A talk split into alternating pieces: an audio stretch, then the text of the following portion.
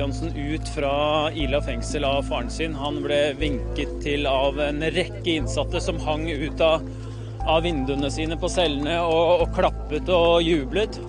Han kjører nå ut av eh, porten her på, på Ila og skal da bli kjørt hjem til Kristiansand av faren. Det er masse pressefolk her, og det har også kommet eh, flere andre tilskuere for å se at han nå slipper ut fra fengsel, i tillegg til politiet som er og passer på at ting går ordentlig for seg. Nå ser vi de kjører av gårde. Viggo Kristiansen og faren. Etter eh, nesten 21 år i fengsel er han eh, nå fri. Ja, det er historiske bilder vi nå har hørt lyd ifra. Det var Viggo Kristiansen som ble kjørt ut av fengselet etter å sona 21 år for eh, et drap som han selv hevda at han ikke har begått. Ja, I mai 2000 så ble jo to eh, unge jenter funnet eh, drept, og etter hvert ble jo Viggo Kristiansen og Jan Helge Andersen tiltalt for disse drapene.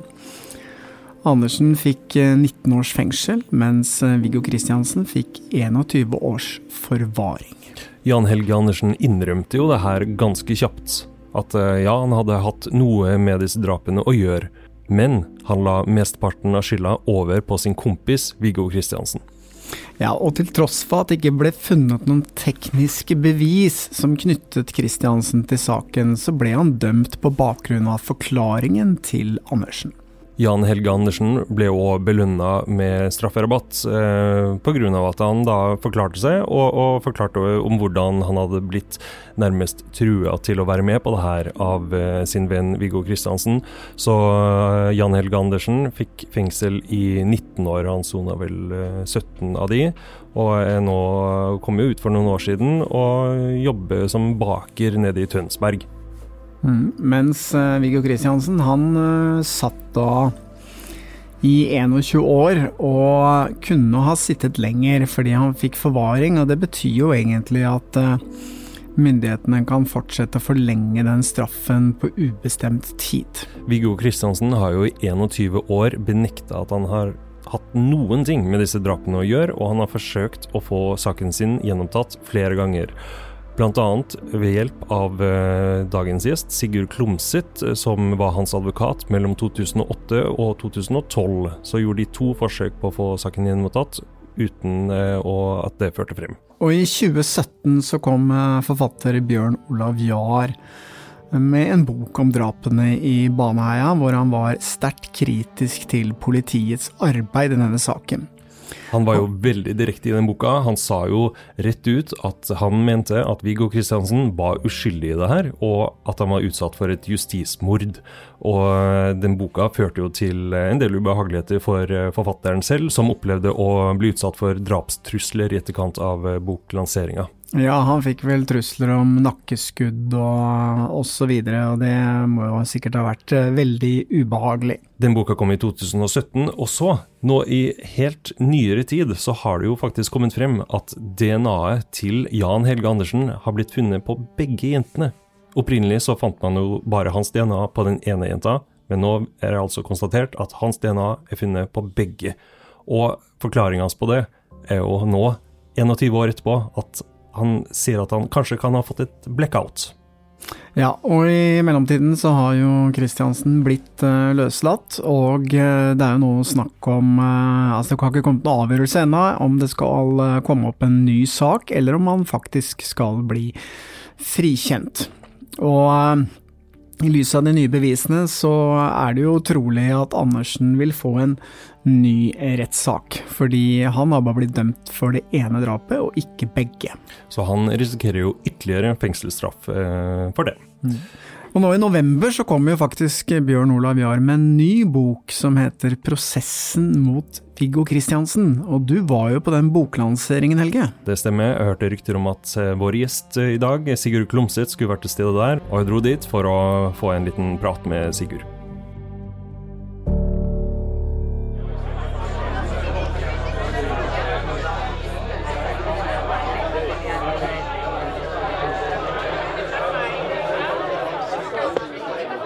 Ok, eh, Sigurd, hva, hva, er det som skal foregå her i kveld?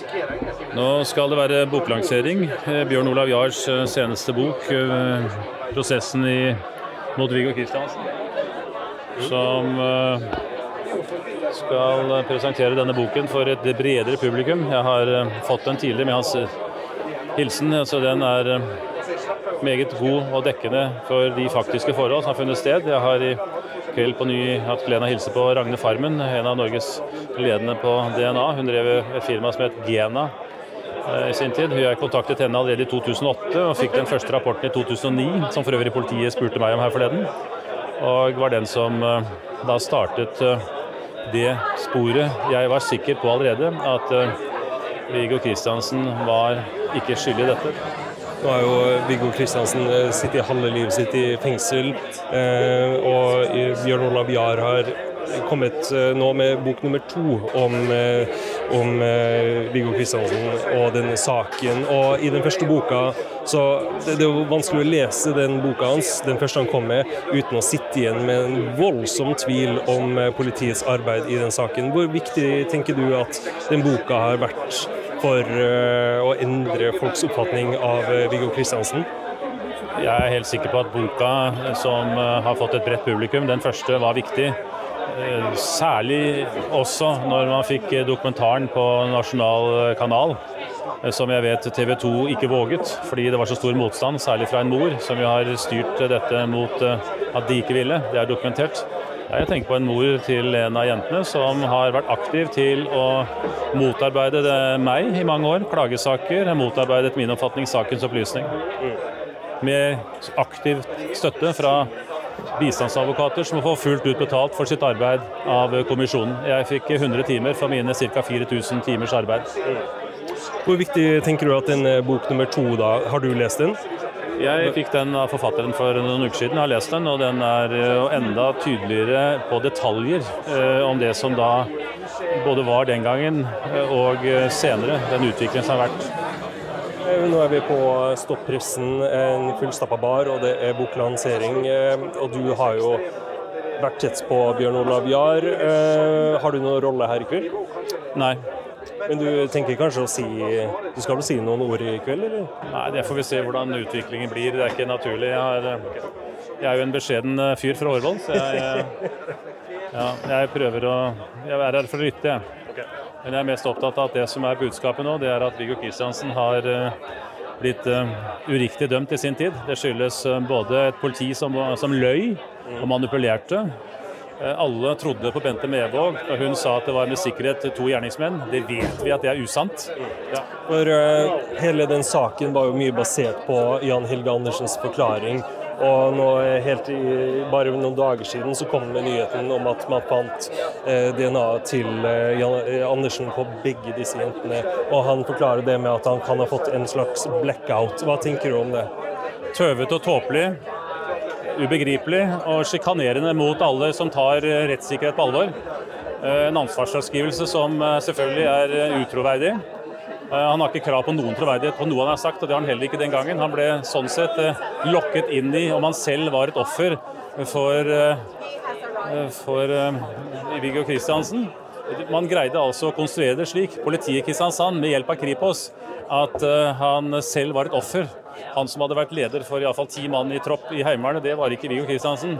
I USA, hvor det er mellom 15 000 17 000 drap i året, iallfall sist jeg var oppdatert, så er det mange Baneheia-saker lignende.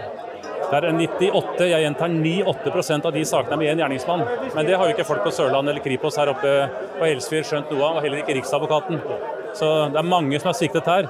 Og de kreftene som vil ta de som er ordentlige på dette, de lykkes jo når de i 2012 fikk tatt min bevilling.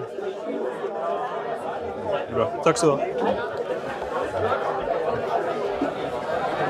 Nå ser jeg selveste Sigurd Fundseth eh, har steget fram.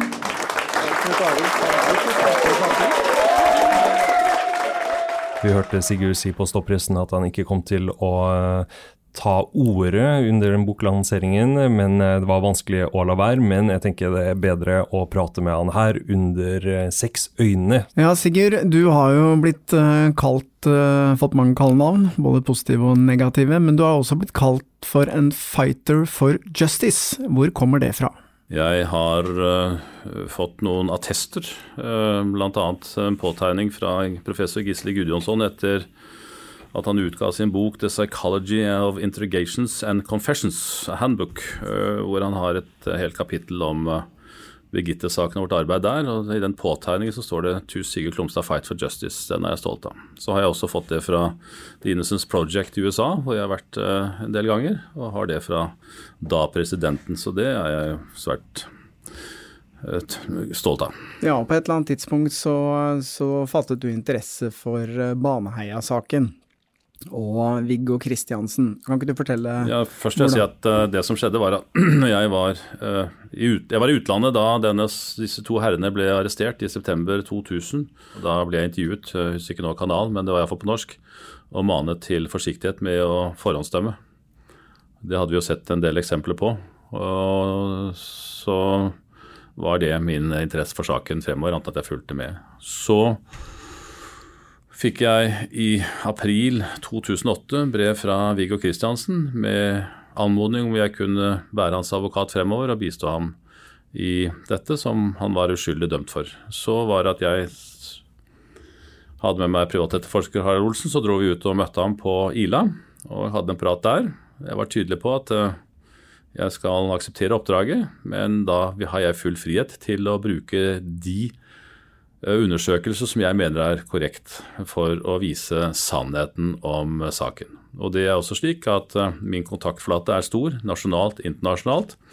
Og hvis du har gjort av dette, så vil de undersøkelsene eh, kunne avsløre hvis du har gjort det.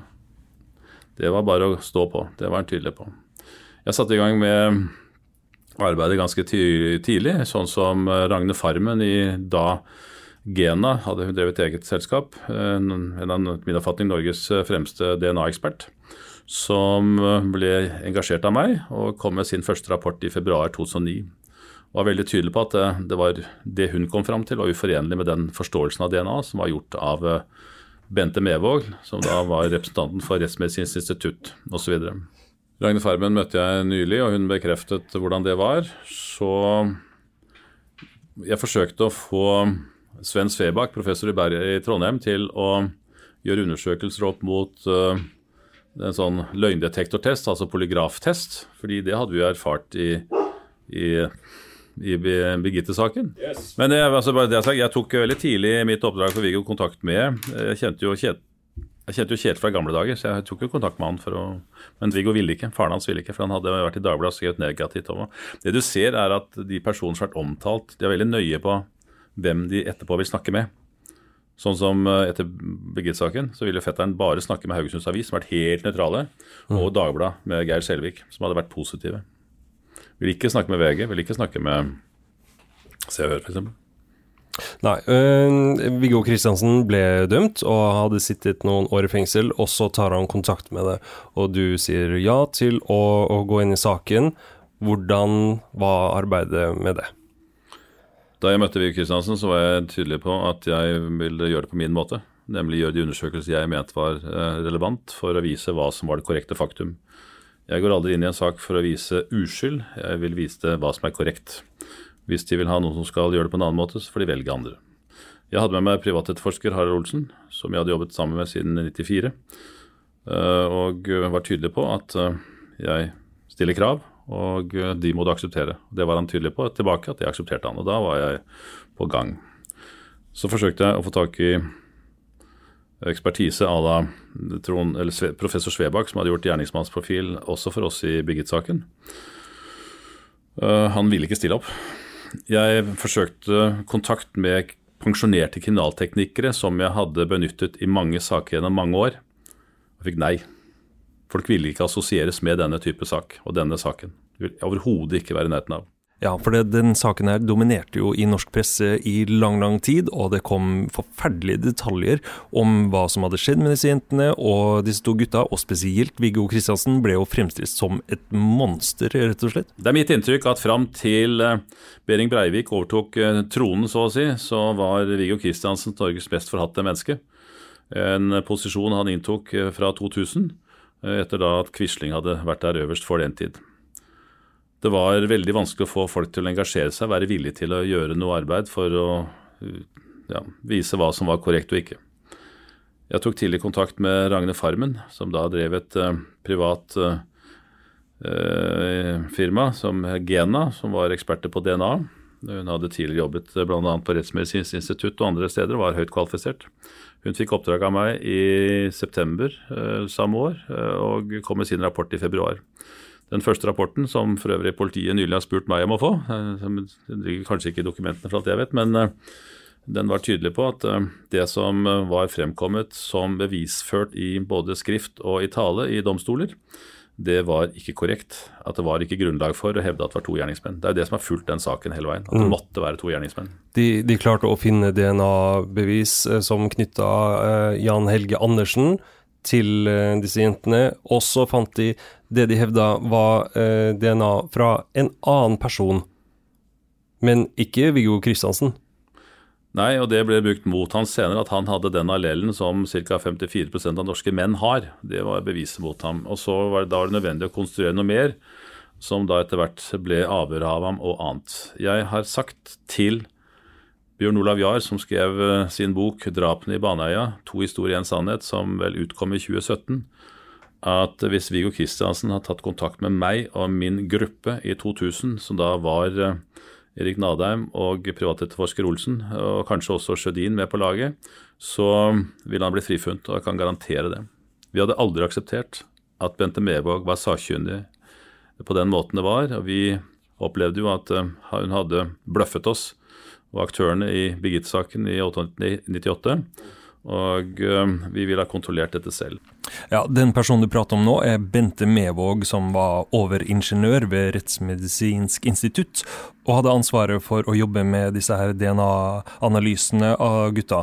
Og det hun kom frem til, var jo det åpenbare, at øh, Jan Helge Andersen hadde match på DNA som ble funnet på, på en av jentene. Og hun konkluderte òg med at øh, det var DNA fra det som kunne være Viggo Kristiansen, men det kunne òg være DNA fra 50% av alle andre menn i Norge. Men i Norge på den tida, for 21 år siden, så var jo ikke DNA-teknologien i Norge kommet særlig langt, så disse prøvene ble jo sendt til Spania. Analysene som ble gjort i Spania, ble jo tolka i norsk rett som at det måtte ha vært to gjerningsmenn og hvem andre kunne det da være, når du har en Jan Helge Andersen som knytter Viggo Kristiansen til handlinga?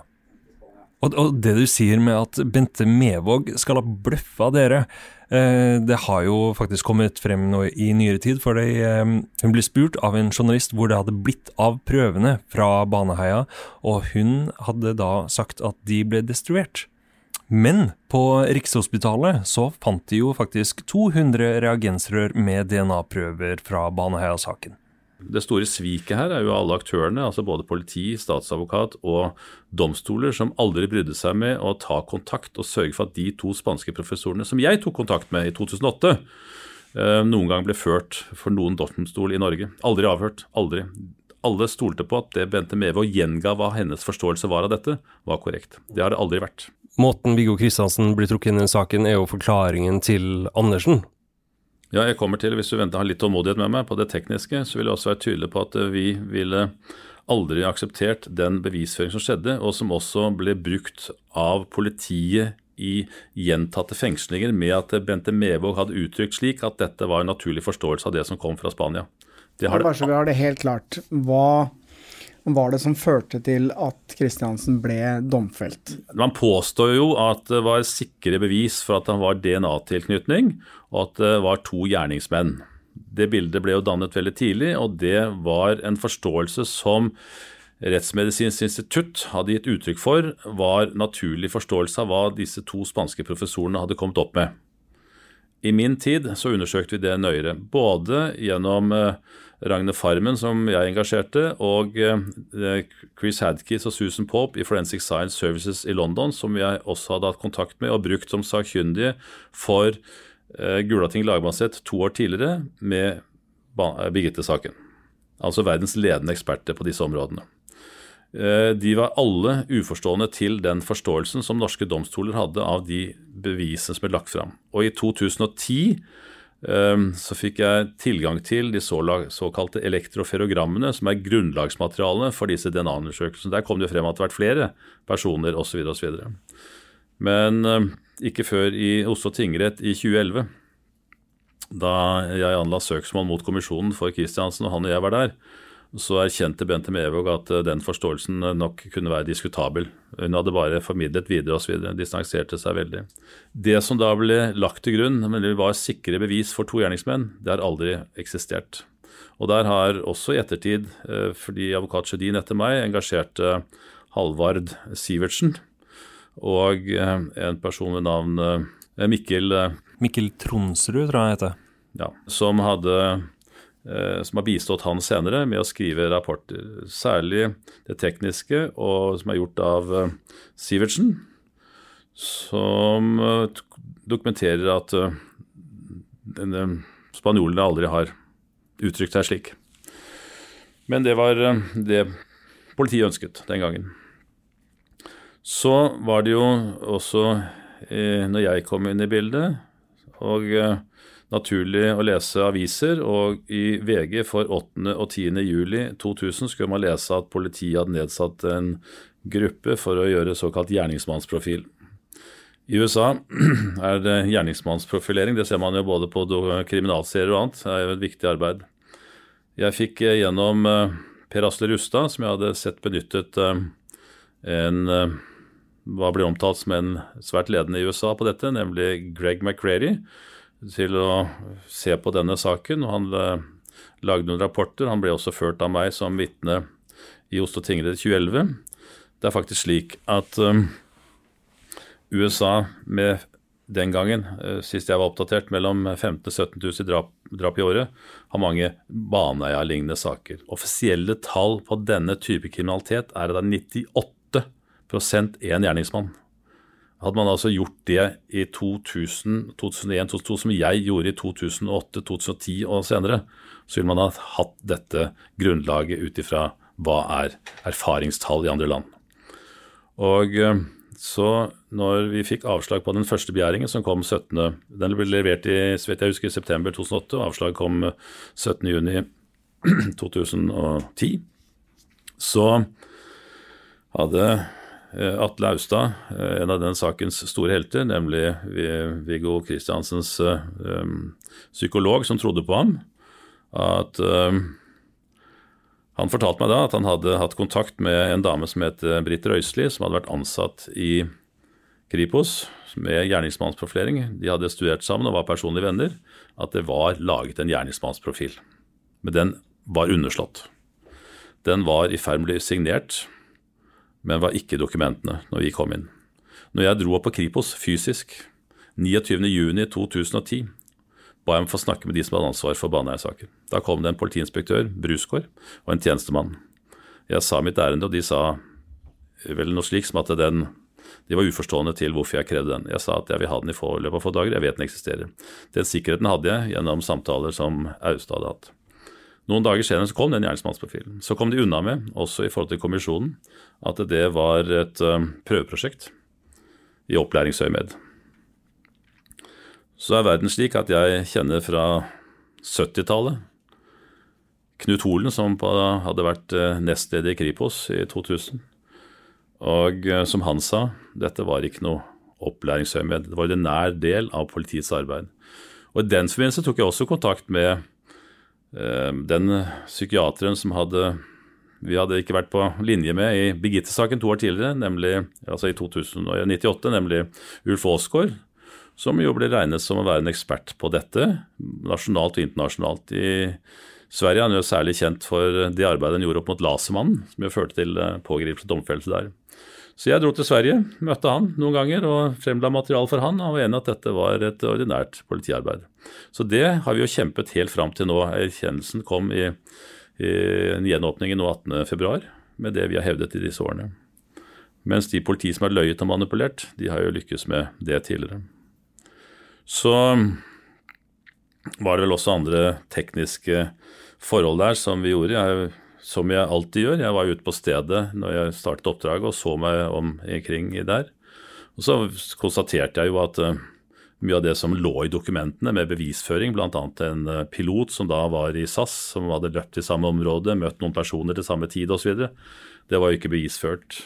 Når jeg så på det tekniske, så begynte jeg nesten å grine. Eh, fordi at eh, det man gjorde når man skulle dekke til likene, det var at en politimann dro hjem og fant en brukt presenning som jo hadde hatt over båten hva det var. Så den var jo selvfølgelig full av forurensningsmuligheter. Eh, så alt er gått gærent. Dette forsøkte de å skjule lenge eh, for meg. og Isteden ble det satt i gang en kamp for å svekke meg og min troverdighet. Klagesakene hagla inn. Jeg ble omtalt som useriøs, for jeg påsto at eh, det måtte være mye mer dokumenter som jeg ikke hadde fått, og det viste seg å være korrekt. Og i det hele tatt det har vært en vanskelig tid på den fronten. Jeg jobbet videre. Vi lærte vel tre begjæringer i min tid og søksmål osv. Så, så, måtte jeg gi meg i 2012, fordi da ble jeg gjort bevillingsløs etter anklager om lekkasje av bildene Breivik. Og da overtok jo Sjødin den stafettpinnen, og så var jeg noe med litt etterpå. Da jeg var tilbake.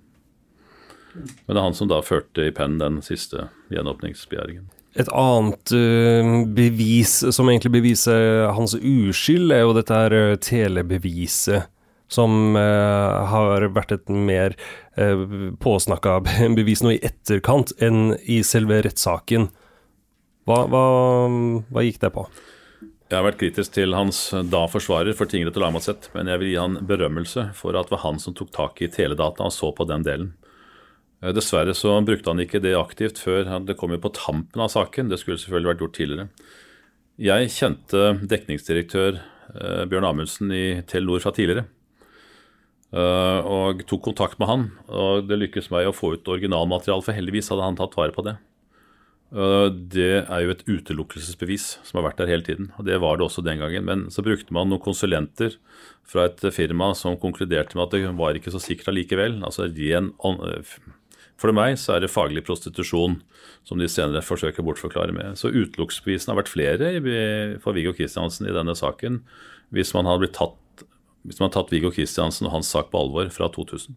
Mm. Ja, for det var jo sånn at telefonen hans befant seg jo på et annet sted enn der eh, drapene ble drapene ble utført, da.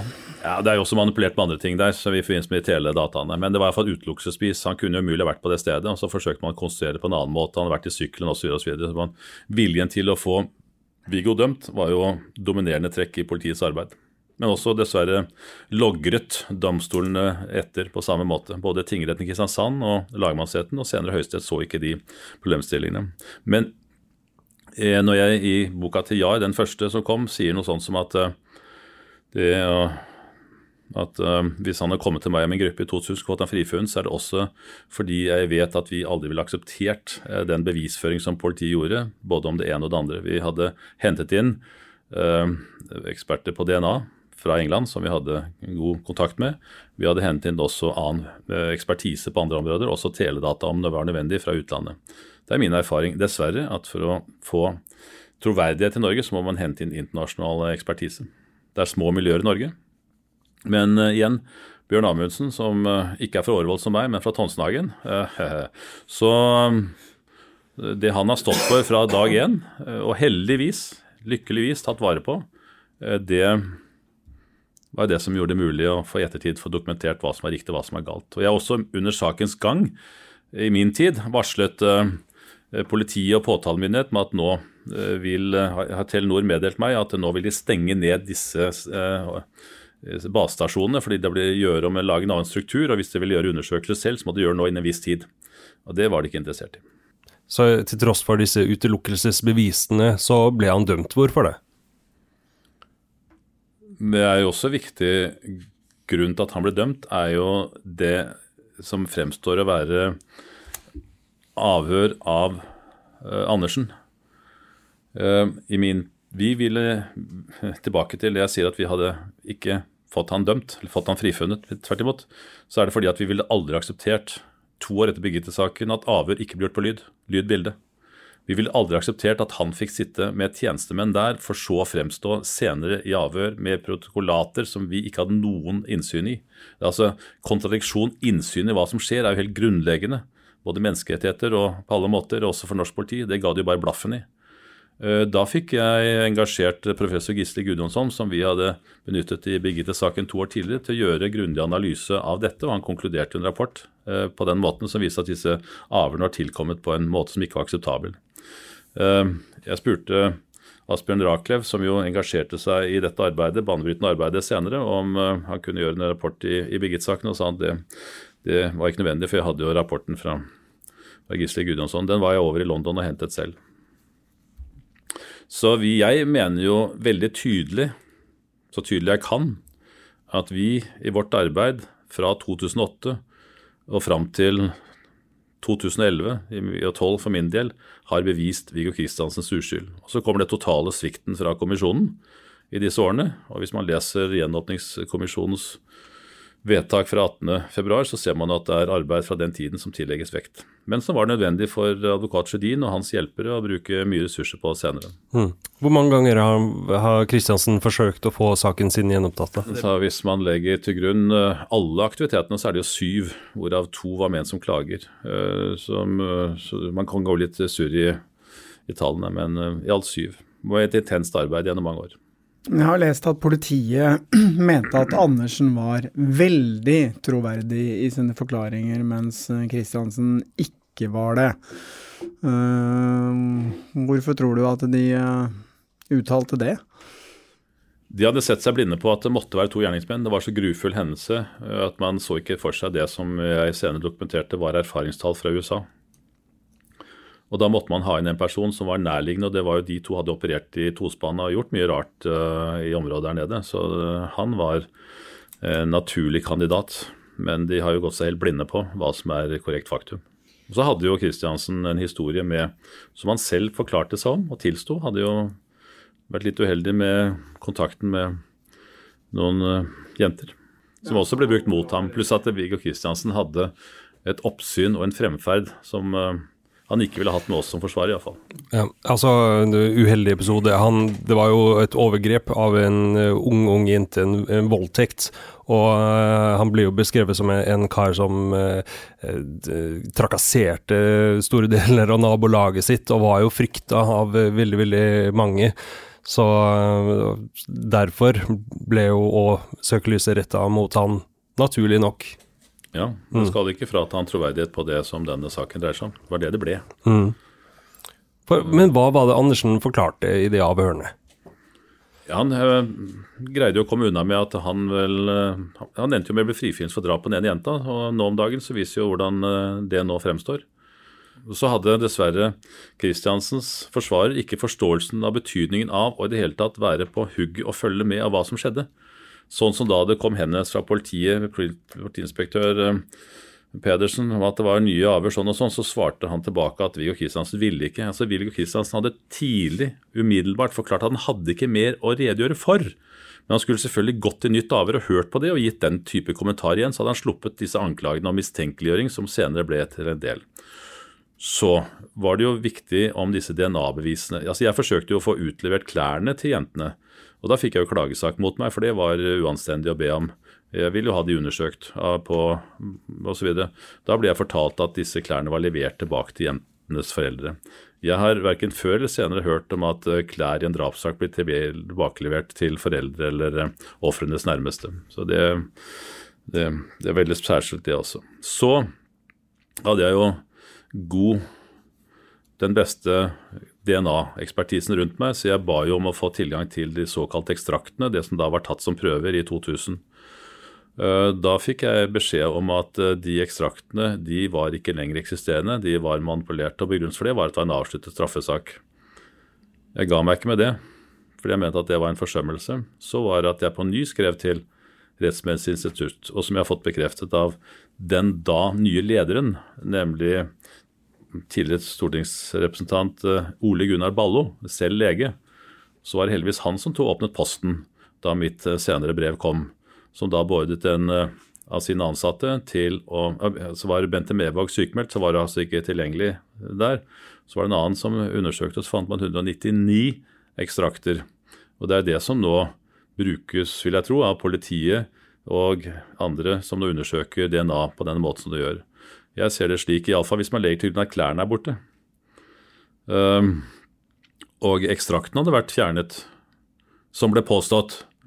Så hva hadde man da mulighet for å bevise? Så Viggo Kristiansen må jo prise seg lykkelig i dag over at det arbeidet ble gjort den gangen på den måten som ble gjort, og det ansvaret som Ole Gunnar Ballo tok for å få vite hva som var korrekt. Han valgte jo eh, etter kort tid å slutte i stillingen der oppe. Så får dere spørre han hvorfor han gjorde det. Mm. Du møtte jo Viggo Kristiansen flere ganger i fengselet. Hvordan opplevde han det, å, å sitte der eh, og, og, være det han mente var urettmessig dømt? Jeg har opplevd Viggo Kristiansen som kanskje være enda mer eh, realistisk enn meg i forhold til den tiden det ville ta for å få fram sannheten om hva som hadde funnet sted i Baneheia. Jeg var hos han da vi fikk lov til å ha telefonen med inn på cella for å få avgjørelsen i juni 2010. Det er klart han var skuffet. Det var, var også jeg og den eh, som var med meg, nemlig journalist eh, Eivind Pedersen. Um, men vi lovet han at vi skulle fortsette kampen for hans rettssikkerhet, og det har jeg holdt i hele min tid. Jeg har også stilt opp for han senere, um, som dere vil kanskje komme til, med en kvinne hvis uh, navn Kvikre, som, var, som er regnet som den beste i landet på teledata. Og eh, senere et eh, opptak av en person som hadde sonet sammen med Andersen, som het Olaussen. Jeg har eh, For den personen, hva kunne den medfangen forklare? Olaussen, som jeg hadde vært advokat for i mange år, vi jobbet på den tiden med en gjenåpningssak for ham. Han var tydelig på at han hadde sittet sammen med Andersen i Skien fengsel. Det har jeg fått bekreftet, fra, både skriftlig fra fengselet og fra ansatte i fengselet som uh, muligens uh, har problemer med taushetsplikten hvis de ble satt på spissen, men de bekreftet den uh, nære tilknytning de to hadde i sin tid. Og Olaussen har vært tydelig på at Andersen til han har sagt at Kristiansen har ikke noe med dette å gjøre. Mm. Nå skal man være forsiktig med å legge for mye vekt på det, men det var en av de ja, Det opptaket ble sendt til til kommisjonen og andre vet hva jeg vet, og det er iallfall nå kjent for politiet i Oslo. Ja, for det forundrer meg litt. Andersen ble jo løslatt for en del år siden, mens Kristiansen han ble jo ikke løslatt. Hva var årsaken til det? Han har jo sittet til sammen 21 år i fengsel, har han ikke det? da? Jeg besøkte han ganske hyppig i min tid. Jeg besøkte han faktisk hver julaften. Uh, som den eneste som fikk besøk på avdelingen. Da hadde vi også noen samtaler med direktøren som nå er død, Viggo Kristiansen har vært en mønsterfange. Han har tatt fagutdanning mens han har vært der, men han ble utsatt for negativ særbehandling i alle år. Eh, det har jo vært en eh, mor som har eh, kjørt hva jeg vil kalle en kampanje mot han og mot gjenåpning i disse årene, som har gått utover Viggo Kristiansens muligheter for både fremstilling og for annet. Han fikk jo etter hvert også lov til å gå utenfor området. Han har jo vært en en nyttig kar for uh, kriminalomsorgen. Han har gjort mye arbeid uh, på en god måte, fysisk og andre steder. Han ble jo etter hvert også omtalt som mønsterfanger. Men det var opplest og vedtatt at det å være negativ om og med Viggo Kristiansen, det var eh, god latin for enkelte. Det illustreres jo også i Bjørn Olav Jars bok, nylig utgitte bok, den uh, prosessen mot Viggo Kristiansen. Det var i 2009, eh, så vidt jeg husker, så var eh, fengselet om en såkalt risikovurdering av Viggo Kristiansen. Da utnevnte man uh, Kjersti Narud, selv altså psykiater og doktor med. I dag er hun nestleder i Rettsmedisinsk kommisjon, som ga en erklæring som var hva jeg mener var korrekt, og som omtalte Viggo Kristiansen på en positiv måte, med de positive sider han, han har og hadde. Eh, så var tydeligvis systemet ikke fornøyd med det. Så skjøv de Narud ut, og neste gang så engasjerte man en eh, psykiater i Østfold, Hummeren, som aldri har møtt Viggo Kristiansen, men som ga han både diagnoser og negativ omtale. Meget alvorlig. Krenkelser. Og det fortsatte. Og så har fengselet etter hvert inntatt den holdningen at deres egne psykologer snakket, eller ikke snakket med, men snakket om Kristiansen. Så var det det at de, de, baserte seg på hva andre sa, men det var de ikke fornøyd med. Altså Ansatte i fengselet har jo vært uttrykt, har uttrykt positivt om Viggo i mange år. Og um, da konkluderte man uh, med psykolog negativt. Og man bruker mot Viggo Kristiansen at han aldri har tilstått det han er domfelt for. USA, jeg er der på disse reisene og møtene i Innocence Project, og en av kriteriene for å akseptere saker for behandling, altså at man jobber med gjenåpningssaker, det er nettopp at vedkommende aldri har erkjent det man er domfelt for. Det blir tatt som et sterkt argument for at vedkommende er uskyldig, når man hele tiden eh, fastholder det standpunktet. I Norge så brukes det mot, fordi du er domfelt, og da skal du erkjenne. Man altså ikke åpner for muligheten for at folk kan være feildømt. og det er mye, Alt tyder på, fra den dokumentasjonen jeg fremla eh, også i Oslo tingrett i 2011, hvor det ble bevisført Greg McGrady, Susan Pope, Chris Hadkis, eh, Ragne Farmen og andre. Der var altså kommisjonen ved sin saksbehandler til stede og hørte. Og eh, den som var representant for regjeringsadvokaten, hun eh, forsvant jo oppover i systemet. Det ble nå dommer i Høyesterett. De har hørt det samme som meg, og de vet hva som er riktig, hva som er galt. Og jeg har lydopptaket fra de forhandlingene. Det er ikke godt for disse menneskene å høre i ettertid. For de sviktet. Og de sviktet alvorlig. Så Andersen fikk altså 19 år øh, fordi han tilsto, da, eller? Og Kristiansen fikk 21 år fordi han blånektet. Men hvordan kan du sitte 21 år i fengsel på en dom på 21 år. Er det ikke sånn at du gjerne skal slippes ut litt tidligere? Ja, det er forskjell på den dommen. Fordi eh, Andersen han fikk 19 år fengsel. Mens Kristians fikk 21 år forvaring. Dvs. Si han fikk opprinnelig sikring, som senere ble konvertert til forvaring. Det ble lovendring på det punkt. Og da er det slik at med forvaring så sitter man i prinsippet livet ut hvis systemet vil ha det slik. Og det illustreres jo ved at uh, i våres, og da er det frister for når man skal sette i gang en slik prosess. Og I våre så var det jo i gang en prosess for videre forvaring av Kristiansen. Det hadde jo systemet satt i gang. Så hvis ikke gjenåpningen var kommet og han var blitt løslatt, så var jo det de ville ha det til. Men hva var grunnen til at Kristiansen fikk forvaring og Andersen bare fikk fengselsstraff? Det var mye fordi at han ble fremstilt som et, et monster av et menneske. Og samfunnsvernet var slik at man måtte vernes mot ham. Viggo Kristiansen har ikke hatt noe heldig fremtreden i retten. Han er blitt oppfattet eh, på en måte som var svært negativ.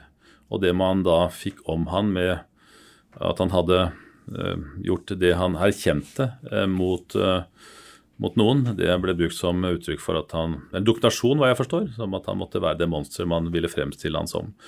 Kristiansen hadde jo i realiteten ikke noe forsvar. Det var slik at statsadvokaten, Førstestatsadvokaten hadde jo god bistand fra da forsvarer for for Andersen, Det blir senere tingrettsdommer Fegran. Jeg har møtt Fegran, så jeg vet at jeg er en kraftfull person. Mm. Men hva er veien videre nå da for Kristiansen? Uh, Kommer det til å bli en ny rettssak, eller? Uh? Det vet jeg ikke noe mer om enn dere. Jeg leser uh, media, jeg følger med, og jeg ser at det vel for tiden er sterke grunner til at det ikke blir en ny sak mot Kristiansen. Det kan blir ny sak mot uh, Andersen. Og jeg vil tro at um, sånn som bevissituasjonen etter min oppfatning er korrekt, uh, vil være at Andersen må svare for anklager, uberettigede anklager om Kristiansen i denne saken. Men jeg bare lurer på, hvis det nå skal ende med at Kristiansen da blir frikjent, og man konkluderer med at han ikke gjorde disse tingene hva har han krav på? Han har sittet 21 år i fengsel? Han ville fått noe fengsel for det han erkjente, så den delen går ifra. Etter min oppfatning så har han ikke bare sittet 21 år i forvaring, med, altså med et særdeles strengt regime. Han har sittet iallfall ti av de årene uten grunn. Fordi systemet har sviktet. Altså alle har sviktet Kristiansen. Det er min oppfatning at alle, før jeg ble engasjert i 2008, har sviktet Kristiansen på det groveste. Si gjerne at jeg blærete, men den står jeg for. Da jeg begynte med gjenåpning for Kristiansen i 2008, så kontaktet jeg alle journalister som jeg så hadde dekket saken. Og um, en av de som jeg hadde mye kontakt med, var innledningsvis Eivind Pedersen, og også senere Kåre M. Hansen, som da var blitt redaktør Hadde sluttet i Aftenposten, uh, hvor han var leder av krimavdelingen. Hadde begynt som redaktør av bladet Lindesnes, altså avisen Lindesnes i Mandal. Jeg var mye hos han. Og han er den som i boka til Jar, 'Drapene i Baneheia', er anonym, men som bekrefter at det han sa til meg da, det var å få gjenåpnet Baneheia-saken er som å flytte Hardangervidda 10-20 cm til venstre. Men han sier også at hvis det er noen som får det til, så er det du. Det er tilfredsstillende i dag. Mm. Hva slags erstatning har Kristiansen krav på, da, hvis det skulle vise seg at han blir Ja, jeg skal ikke spekulere i det, men det må være Det må jo være mange millioner. veldig mye. Veldig mye. Så vil jeg også si at de aktørene som har sviktet her, etter min oppfatning skal ikke komme unna med det. I USA så er det slik at aktører som har på statsadvokatnivå osv. tatt ut tiltaler de vet er tvilsomme, dommere som dømmer til tross for osv., her gjenåpningskommisjonen har sviktet, de blir selv i stadig større grad både navngitt, men også tiltalt for å ha sviktet. Jeg mener at det er mange i denne saken som har sviktet fra 2000. Og kommisjonen kan ikke komme unna med annet enn at de har sviktet fra 2011.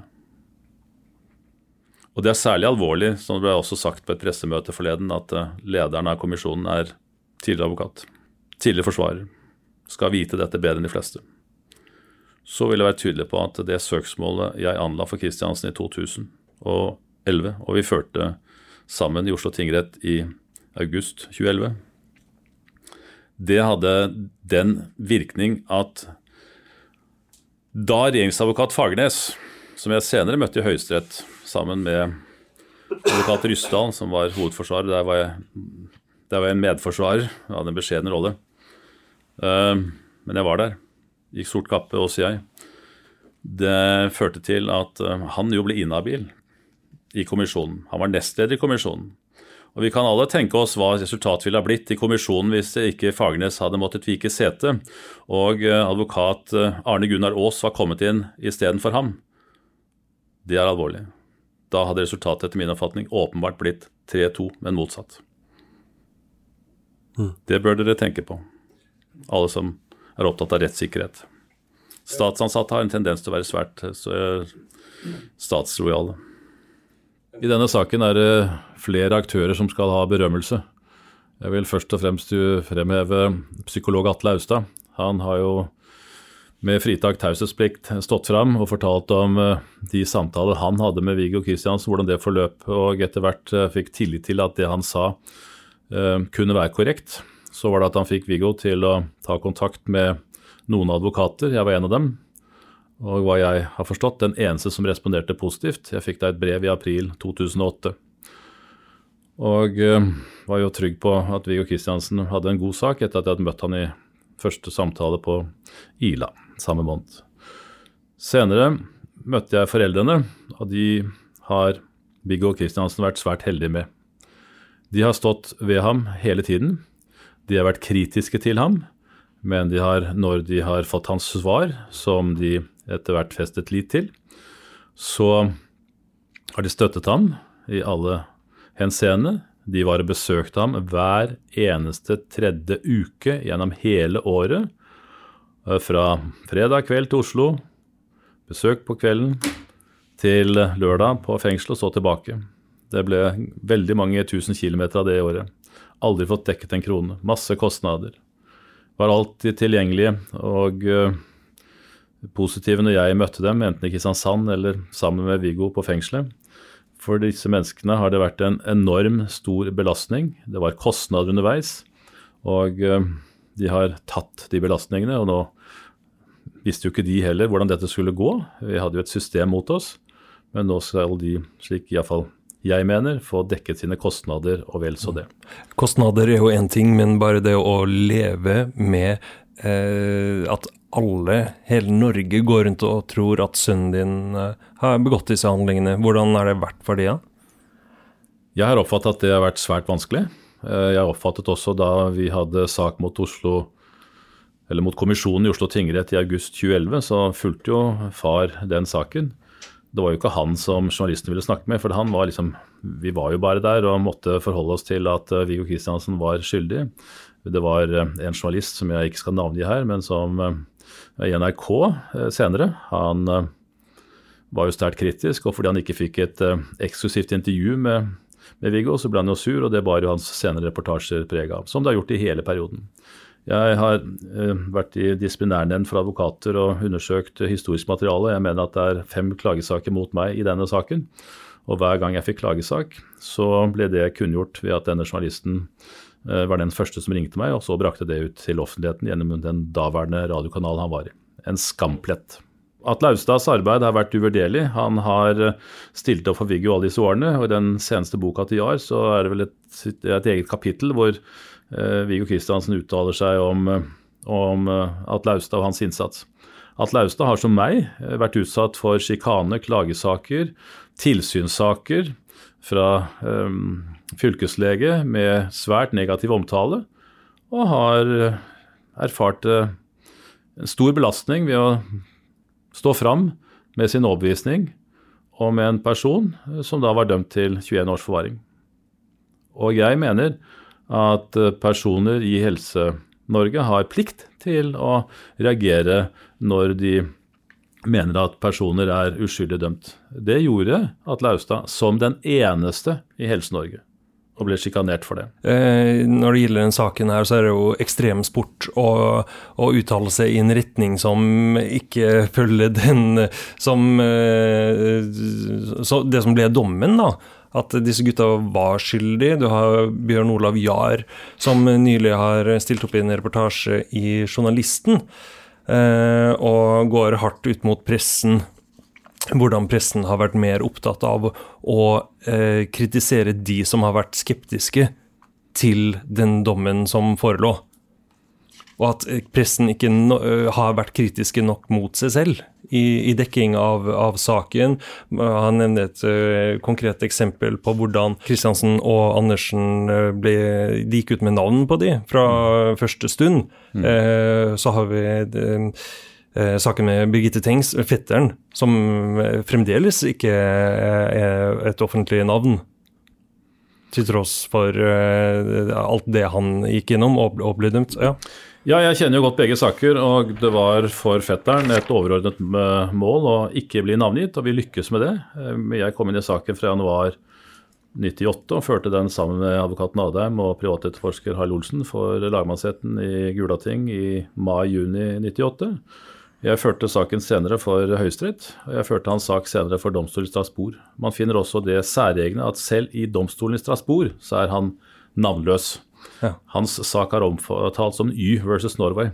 Så det er mulig hvis man vil. Eh, vi er tross alt bare to år senere med med Baneheia-saken, men der var det jo full navngivelse fra dag én og en veldig forhåndsstemming. Men hvem er det som bestemmer det, da? Hvis du sier at ja, vi bestemte oss for at navnet til fetteren ikke skulle offentliggjøres, og så, og så skjer det, eh, det det, blir ikke offentliggjort. Og det er jo veldig mange i Norge som ikke vet hva den personen heter. Vi som aktører for ham den gangen var veldig tydelige til media og andre hele tiden og krevet det respektert, og varslet søksmål hvis man på noen måte brøt den klare ordre om å ikke navngi ham. Mm. Så det finnes muligheter for det. I Baneheia-saken var det jo verre, fordi at det er tilgjort Høyesterett at TV 2 ble frifunnet fordi de hadde brukt omtale og et bilde av Viggo Kristiansen idet han går ut etter å ha fått dommen, som de mente var at han hoverte over og latterliggjorde det som var fremkommet. Mm. Det, det, er helt utrolig hvordan alle har sviktet mm. Uh, Viggo Kristiansen gjennom disse årene. Da jeg var på Sørlandskonferansen i 2006, da ble jeg hyllet. Da var jeg der med Ulf Hammeren og Bjung-saken og hadde bevist hans uskyld etter å ha gjort dette opp mot amerikansk ekspertise. Så kom jeg dit i 1998. Da ble jeg hånet og latterliggjort eh, av journalister som hadde dekket saken. Og jeg ble, jeg ble omtalt som naiv og dets like. Jeg mener det var også på lederplass i VG og andre steder, så fant man det for godt å sjikanere oss som aktører. Det levde jeg med i alle disse årene jeg jobbet med Baneheia-saken for Viggo Kristiansen. Mm -hmm. Det er også verdt å merke seg at uh, den kritisk journalistikk som man gjerne vil vedkjenne seg, den, uh, den har vært helt fraværende. Fullstendig fraværende. Det arbeidet som ble gjort og initiert av meg fra 2008 til 2012 Senere i den perioden så kom advokat Sjødin med på laget det er det som flertallet begrunner vedtaket 18.2 i år med gjenåpning. Så materialet har vært kjent hele veien. Men hvor har journalistene vært? Eh, tilbake til Jahr, som jo vel er den eneste aktøren som jeg opplever som har tatt dette på alvor. Han ble også sjikanert, særlig i sin første bok. Eh, den siste har han vel noe mindre grad erfart det. Men jeg vil være tydelig på at uten Jars bøker om Birgitte-saken, som om Baneheia-saken og dokumentarene vist på nasjonale kanaler, begge disse dokumentarene bygger på manus uh, hentet fra Jars bøker, så ville verken Kripos og Cold Case-gruppen neppe ha latt seg engasjere med videre etterforskning i Birgitte-saken. Fakta der er jo at uh, vedkommende som ble pågrepet 1.9.21, og fra da siktet for drap med Birgitte Tengs, var oppført øverst på en liste med aktuelle kandidater som advokaten Adheim, privatetterforsker Olsen og jeg leverte til politiet, aktor og lagdommeren i Gulating lagmannsrett i mai 98. Vi ble hånet og latterliggjort, men eh, det var vi altså ikke alene om. Det ville heller ikke ha blitt gjenåpning, etter min oppfatning, 18.1.21 i Baneheia-saken hvis det ikke var for Jars bok, bøker og Eh, dokumentarene som har vært omkring det.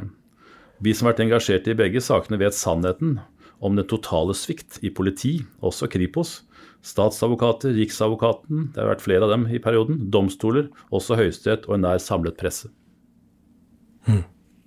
For da du forsøkte å få Kristiansens eh, sak gjennomtatt, så ble jo begrep som nok er nok, uverdig og bedervet advokatmat brukt i norsk presse om ditt arbeid. Ja, den delte jeg jo med Sjødin etter hvert. Eh, det var særlig alvorlig fordi at eh, det var eh, tidligere altså da pensjonert redaktør Holmer Hoven i Fjellandsvennen. Og jeg hadde lest en undersøkelse som viste hvem som var mest innflytelsesrik på Sørlandet. Der mener jeg husker at han lå helt øverst. Altså han var en meningsbærer. Og det, når den type angrep kom på oss, også personlig, med vi drev med fordervet advokatmat, så er det vel kanskje på tide at vedkommende eh, står offentlig fram og beklager sine uttalelser. Men dette har vært nivået på det arbeidet som eh, vi har måttet kjempe Altså kritikken mot oss eh, gjennom disse årene, som vi har stått sammen om, Sjudin og jeg. Og også Nadheim i Baneheim Birgitte-saken, som vi måtte leve med. Etter Birgitte-saken så sa jo jeg offentlig om eh, lagmann Trovåg at jeg oppfatter han som aktor i dommerkappet. Det var mitt svar tilbake på hvordan disse menneskene håndterte oss og hoverte over oss. Mm. I Gjenopptakelseskommisjonen så sitter kommisjonsleder Sive Hallgren, og noe av det Bjørn Olav Jahr eh, kommenterer i denne artikkelen i Journalisten som nylig kom ut, er hvordan denne Hallgren konsekvent har omtalt eh, f.eks. dette mobilbeviset som det såkalte mobilbeviset, mens hun om DNA-beviset, som ikke knytter Viggo Kristiansen til handlingen, det er rett og slett bare omtalt som DNA-beviset. Så det såkalte mobilbeviset, som er et utelukkelsesbevis Ja, det er skandaløst. Og det er en opptredende, opptreden, en uttalelse som det har vært flere av i tilsvarende i disse årene. Jeg mm. personlig mener at tiden er overmoden for at eh, politikerne, altså vår lovgivende forsamling, må få vekk hele ordningen med gjenåpningskommisjonen. Jeg vet at det er personer som er spurt om å være deltakere der, altså medlemmer, som har sagt nei fordi de vil ikke de har ikke tiltro til dette særnorske systemet. Da det ble innført med virkning fra 1.1.04 at vi skulle ha en gjenåpningskommisjon, så var jo det fordi man trodde at det ville være bedre rettssikkerhet for enkeltmennesket enn de skandalesakene som da var avslørt fram til da, Liland og, og flere tilsvarende. Det har jo etter min oppfatning vært uh, helt motsatt. Jeg mener at enkeltmennesket har en vesentlig dårligere rettssikkerhet i dette landet etter innføring av kommisjonen fra 1.1.04.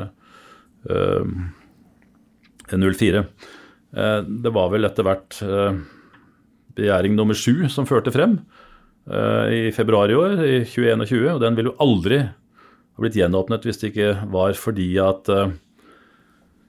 en medlem av kommisjonen, nestleder kommisjonen, tidligere regjeringsadvokat Fagernes, Eh, jeg møtte jo han i Høyesterett i februar 2012 i denne saken. Jeg assisterte eh, advokat eh, Anders Ryssdal. Og da møtte jo Fagernes selv. Det gjorde han jo inhabil og måtte fratre. Da kom inn som varamedlem advokat Arne Gunnar Aas, som da utgjorde flertallet for gjenåpning. En skal være usedvanlig naiv og enkel i hodet for å tro annet enn at uh, hvis Fagernes hadde fått utøve sin funksjon som nestleder av kommisjonen, så ville resultatet ha blitt motsatt. Altså ikke gjenåpning. Dette er marginene. En ting vi må liksom ta opp, er hvorfor du ikke representerer Viggo Kristiansen i dag. Jeg ble i 2012 anklaget for lekket bilder av Behring Breivik til media. Det kan jeg bevise at jeg ikke gjorde. Ingen hos meg gjorde.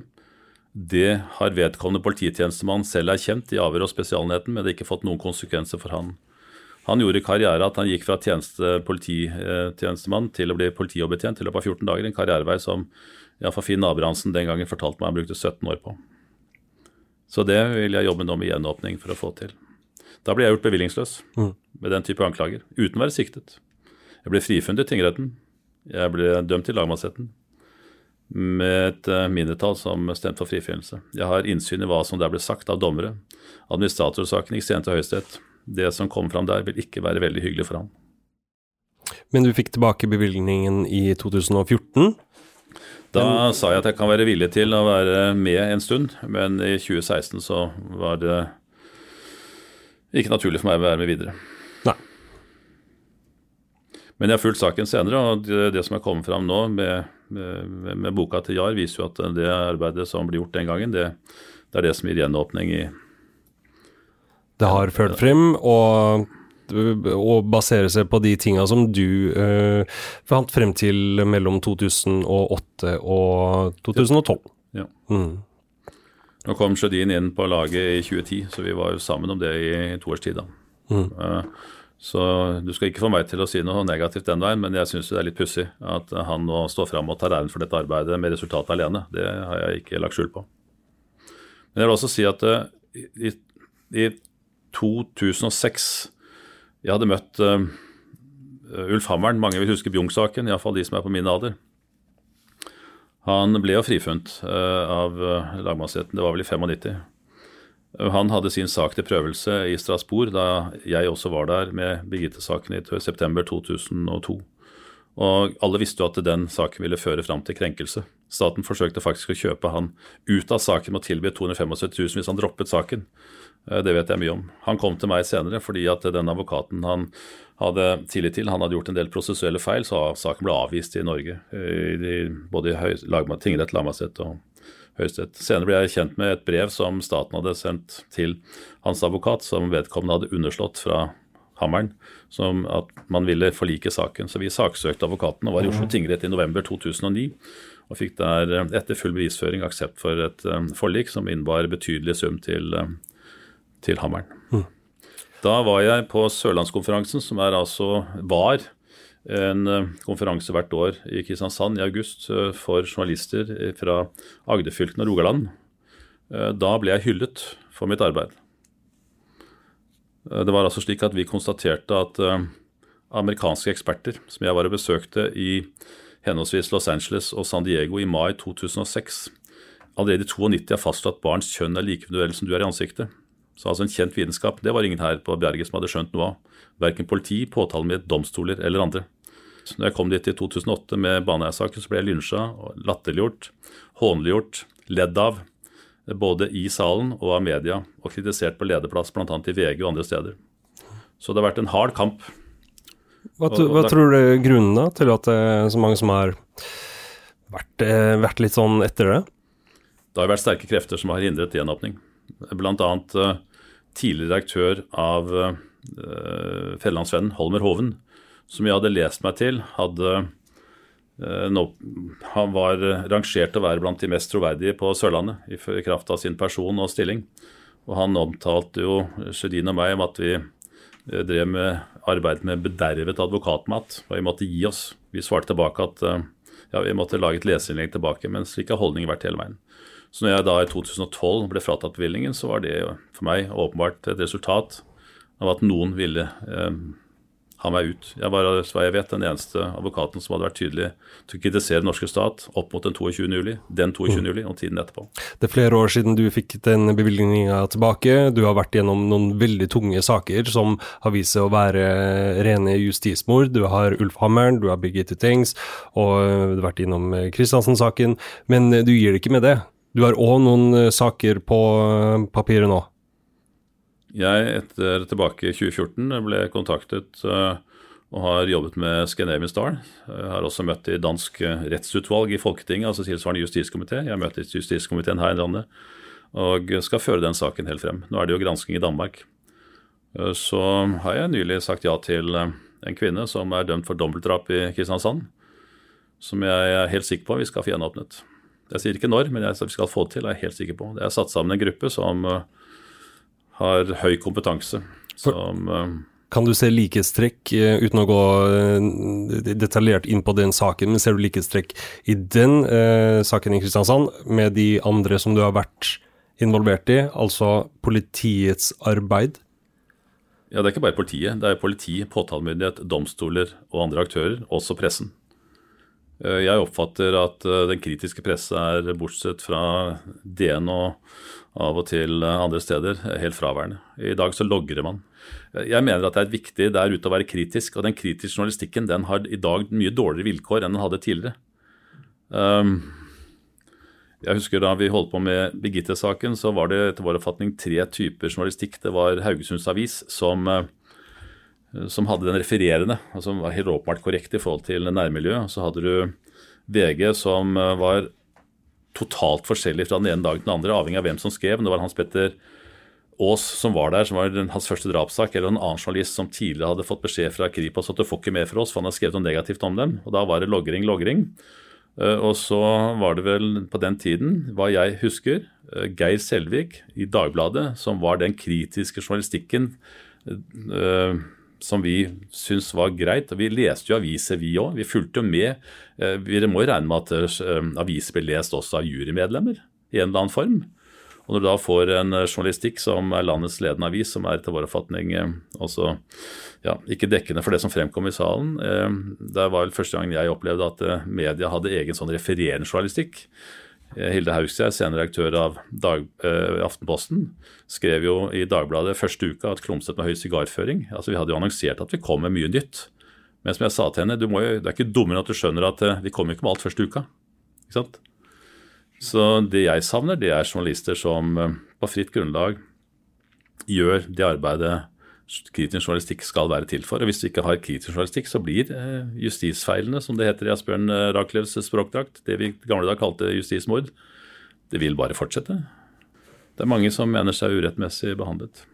Men det vet jo vi alt om, Helge, fordi her renner det jo faktisk inn med henvendelser nesten daglig. Vi har ikke kapasitet til å se på alt sammen, men, men det er ikke noe tvil om at det er mange der ute som føler at de har fått en urettferdig behandling, og at saken deres ikke har blitt tilstrekkelig belyst. Jeg vil slå et slag for de forsvarere som er opptatt av å ta vare på klienten og undersøke sjæl. Jeg har sagt det også tidligere, men da professor Bratton fikk rettssikkerhetsprisen i 26, så sa han at jeg har alltid ment man må undersøke selv, ikke ta for gitt det man blir presentert av andre. Han kjempet jo en kamp i 20 år han, for disse såkalte bumerangsakene i Bergen, som førte fram. Og med stor personlig belastning gjennom mange år. Jeg, var, jeg skrev nekrologen, iallfall i Advokatbladet, mener jeg husker, som, og Ståle Eskeland likedan. altså De får disse personangrepene mot seg fordi de tør å stå opp og ta de upopulære standpunktene. Jeg fikk en hyggelig hilsen fra Ståle Eskeland, skrevet på hans dødsleie, skrevet av hans kone, som jeg var veldig inspirerende for, har vært veldig inspirerende for meg senere. Men de får ikke like mye oppmerksomhet i borgerpressen fra mitt ståsted som de som er med systemet. Jeg har off uttalt at mange av mine kolleger er medisinske sensasjoner. Og så spør du hva mener jeg med det? Jo, det er de står oppreist til tross for at de mangler ryggrad. Du blir ikke kamerat med mange av den grunn, men jeg står for det.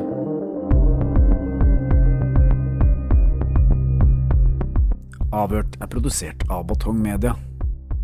Hør eksklusive episoder av Avhørt på Podme. Gå inn på podme.com, eller last ned appen Podme. Du finner oss på Facebook og Instagram som Batong Media.